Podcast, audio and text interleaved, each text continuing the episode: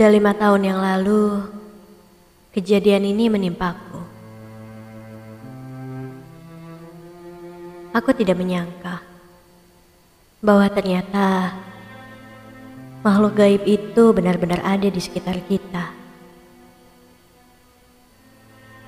Percaya atau tidak percaya, seharusnya aku tidak asal bicara, apalagi menantang menghadirkan mereka di tengah acara.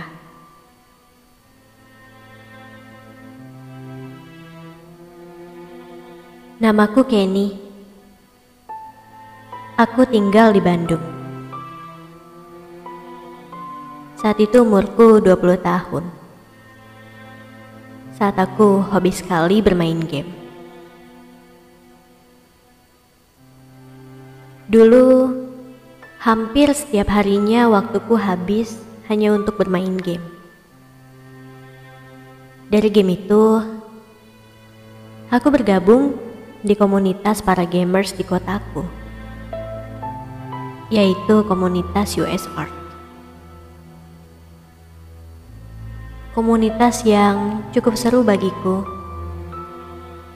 karena bukan hanya sekedar bermain game bareng saja, tapi kami juga sering mengadakan kegiatan kumpul atau biasanya kita sebut sebagai gathering. Dan dari komunitas inilah aku berteman dengan Ihsan, Randy, Romi, dan Siska. Ihsan dan Randy memang sudah bersahabat sejak kecil. Karena rumah mereka bersebelahan. Jadi mereka ini selalu kompak seperti satu tim. Romi yang aku kenal dia anak dari keluarga yang berada.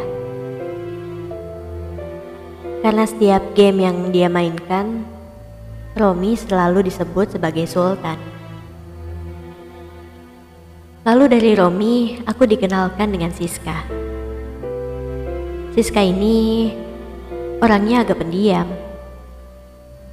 Tapi walaupun begitu, kami juga cukup akrab saat itu.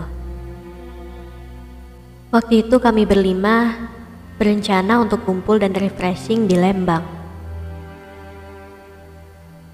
Kebetulan orang tuanya Romi punya rumah di sana. Rumah itu jarang ditempati. Sesekali hanya digunakan saat keluarga Romi mengadakan acara. Jadi aku mengusulkan untuk refreshing di sana. Mendengar usulanku, Romi sempat menolak. Katanya, rumah dia yang ada di Lembang itu agak angker dan ada penghuninya. Refleks aku tertawa, lalu menepis omongan Romi. Aku bilang kalau aku tidak takut dan aku tidak percaya hal-hal seperti itu.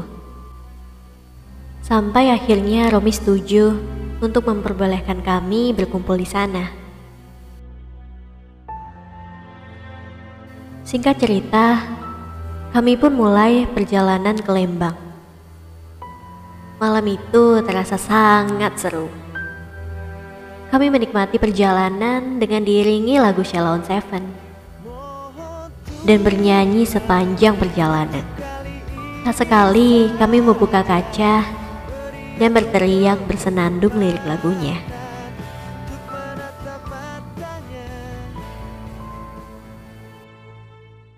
Seiring perjalanan, kami mulai memasuki daerah Lembang. Jalanannya sudah mulai sepi. Pandangan kita hanya sebatas cahaya lampu mobil dan lampu penerang jalan. Sesekali terlihat kios-kios Indomie yang berada di tepi jalan dengan lampu yang remang-remang. Kami memutuskan untuk berhenti di salah satu kios itu. Untuk menikmati suasana malam yang dingin sambil menyantap Indomie. Di tengah santapan kami, obrolan ngalur ngidul diiringi candaan seolah menghilangkan rasa dingin malam itu. Suasana yang sangat seru membuat kami pun tak sekali meluapkan tawa yang sangat kencang. Sampai akhirnya pemilik warung datang dan menegur kami. Kang, kalau bisa ketawanya jangan keras-keras ya. Apalagi di daerah seperti ini. Takutnya ada yang merasa keganggu. Ya, kami pun menurut dan mulai mengontrol suasana saat itu. Di tengah obrolan, aku melihat Siska. Ia memalingkan pandangannya terus ke arah lain dengan ekspresi wajahnya yang gelisah.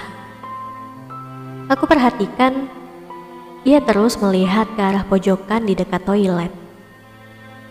Dan ternyata bukan aku saja. Teman-temanku yang lain pun saat itu memperhatikan Siska. Lalu Romi berbisik ke arahku. Dia bilang kalau Siska itu bisa melihat makhluk-makhluk gaib atau biasanya disebut indigo. Ihsan dan Randy pun saat itu juga sudah tahu tentang Siska. Tapi aku tidak percaya begitu saja. Terkadang aku kesal mendengar orang yang mengatakan bahwa mereka bisa melihat makhluk gaib atau mengaku bahwa dirinya itu indigo. Aku pikir bahwa saat itu Siska hanya berpura-pura saja. Sampai beberapa saat, Romi mulai menegur Siska. Sis, ngelamunin siapa? Kan aku ada di sini. Tanya Romi sambil bercanda. Hmm, enggak kok. Jawab Siska singkat, tapi masih dengan ekspresinya yang gelisah. Kamu kenapa Siska? Aku pun ikut bertanya. Itu dari tadi ada yang ngeliatin kita dari situ. Jawab Siska sambil menunjuk ke arah pojokan toilet. Kayaknya dia nggak suka deh kita berisik di sini. Lanjut Siska. Hah? Dia siapa? Tanya aku sambil melirik ke arah yang ditunjuk Siska. Makhluk lain. Kayaknya penunggu di sini deh, Ken. Katanya. Apaan sih Siska? Kamu halu ya? Orang gak ada apa-apa. Aneh banget hari gini masih aja ada orang yang percaya gituan. Kataku sambil tertawa menyindir. Hus, Ken, jangan sembarangan kamu kalau ngomong di daerah kayak gini. Romi menegurku. Ya bukan sembarangan, tapi aku emang gak pernah melihat hal-hal kayak gitu dan aku gak percaya. Ya udah, gimana kalau nanti kita main jalongkung aja di rumahnya Romi, buat buktiin kalau makhluk gaib itu beneran ada. Berani gak Ken? Ihsan angkat bicara. Hmm, sekalinya ikut bicara, kok dia malah seperti menantangku ya? Ayo, siapa takut? Jawabku tegas. Aku merasa tertantang dan ingin membuktikan keberanianku. Lalu kami semua setuju untuk melakukan permainan itu sesampainya nanti di rumah Romi. Kecuali Siska. Dia menolak. Karena katanya Siska sudah terlalu sering melihat makhluk-makhluk halus yang banyak rupa wujudnya. Jadi dia tidak ingin mencari masalah. Lagi-lagi menurutku Siska ini berlebihan. Toh, ini kan hanya permainan biasa. Singkat cerita, kami tiba di rumahnya Romi di Lembang. Daerah rumahnya sangat sepi. Jarak rumah Romi dengan rumah penduduk lain lumayan jauh. Di sekitar rumahnya dikelilingi pepohonan dan beberapa lampu taman yang remang. Kami mulai merapikan barang-barang dan mempersiapkan peralatan yang dibutuhkan untuk permainan. Yang paling utama sudah pasti boneka jelangkung. Kami menemukan beberapa bahan yang bisa digunakan dari halaman belakang rumahnya Romi. Kemudian mulai membuat kepala boneka itu dari batok kelapa yang berukuran kecil yang kami temukan dan ranting pohon sebagai rangka badannya. Lalu menyambungkan kepala boneka itu dengan badannya dengan tali. Aku menambahkan serat kelapa sebagai rambutnya, supaya terlihat seperti di film-film horor. Ya, tidak begitu sempurna, tapi cukuplah untuk menakut-nakuti mereka. Kami sudah siap untuk bermain, lalu berkumpul di ruang tengah di lantai satu. Ruangan itu cukup besar ada satu kamar utama yang katanya jarang dipakai. Hanya berisikan lemari kaca yang besar, tidak ada tempat tidur, dan sebagainya. Kami berencana untuk bermain di kamar itu. Dan dua kamar lainnya berada di lantai dua, yang biasa dipakai untuk beristirahat. Karena sejak awal Siska bilang ia tidak ingin ikut bermain. Setelah membantu kami menyiapkan bahan permainan, Siska pun naik ke lantai dua dan menunggu kami di kamar. Tapi sebelum menaiki tangga, ia sempat berkata, "Kalian yakin mau bermain di sini?" Belum sempat kami menjawab, Siska melanjutkan. Permainan ini harus kalian lakukan sampai tuntas. Tidak boleh ada satu orang pun yang meninggalkan permainan sebelum selesai. Kalau tidak, kalian dalam bahaya. Mendengar kata-kata Siska itu, serempak, Romi, Ihsan, dan Randy menoleh ke arahku seraya meyakinkanku dengan tatapan mereka. Ayolah, kalian itu terlalu serius. Ini kan hanya permainan biasa. Tidak akan terjadi apa-apa. Aku yakin. Kami pun akhirnya memulai permainan itu setelah Siska meninggalkan ruangan. Kami mematikan lampu dan menyalakan lilin supaya lebih terbawa suasana selama permainan. Lalu aku mulai mengucapkan mantranya. Jalangkung, jalangkung, di sini ada pesta. Datang tadi jemput, pulang tadi antar. Isa memintaku untuk terus mengulangi mantra itu. Setelah kurang lebih sepuluh kali aku ucapkan, tidak ada apa pun yang terjadi.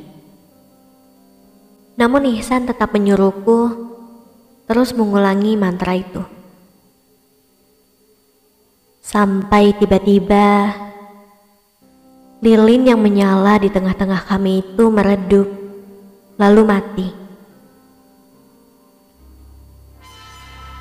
Hah? Hmm. Mungkin karena hembusan angin dari ventilasi kali ya. Pikirku positif. Namun hembusan angin itu pun terasa semakin kencang dan meraba kulitku. Aku bergidik. Kulihat wajah teman-temanku sudah mulai pucat.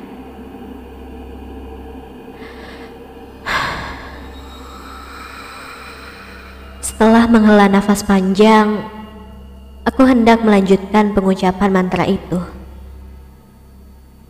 Belum sempat terucap, tiba-tiba boneka yang kami genggam saat itu bergetar hebat.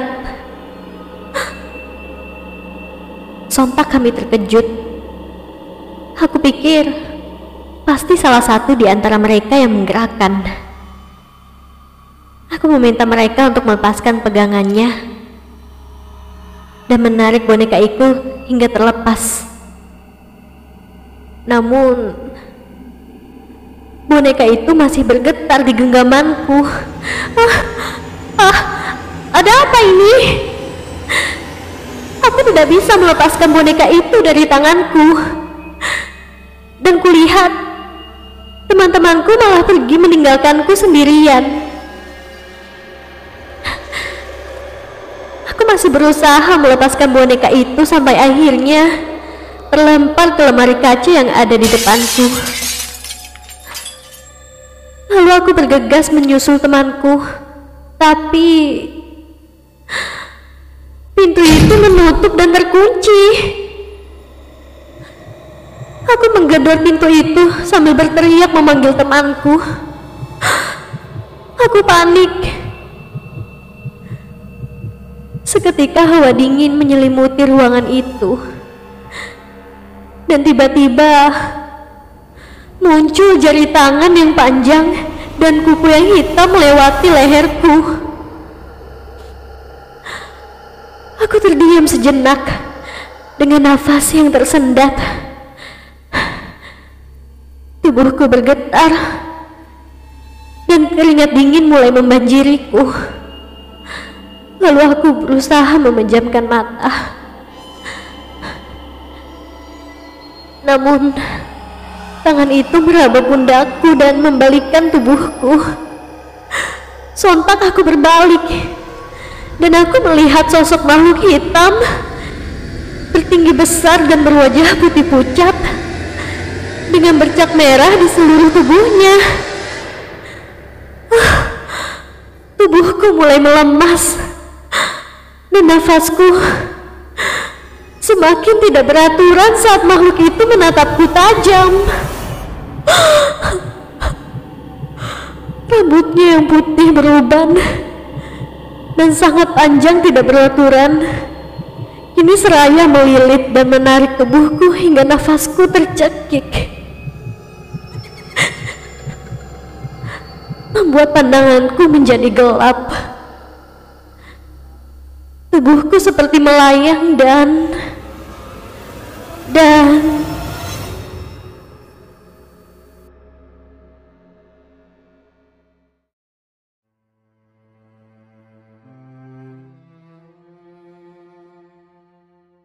Tiba-tiba aku terbangun dari tempat tidur dan sudah berada di dalam kamar.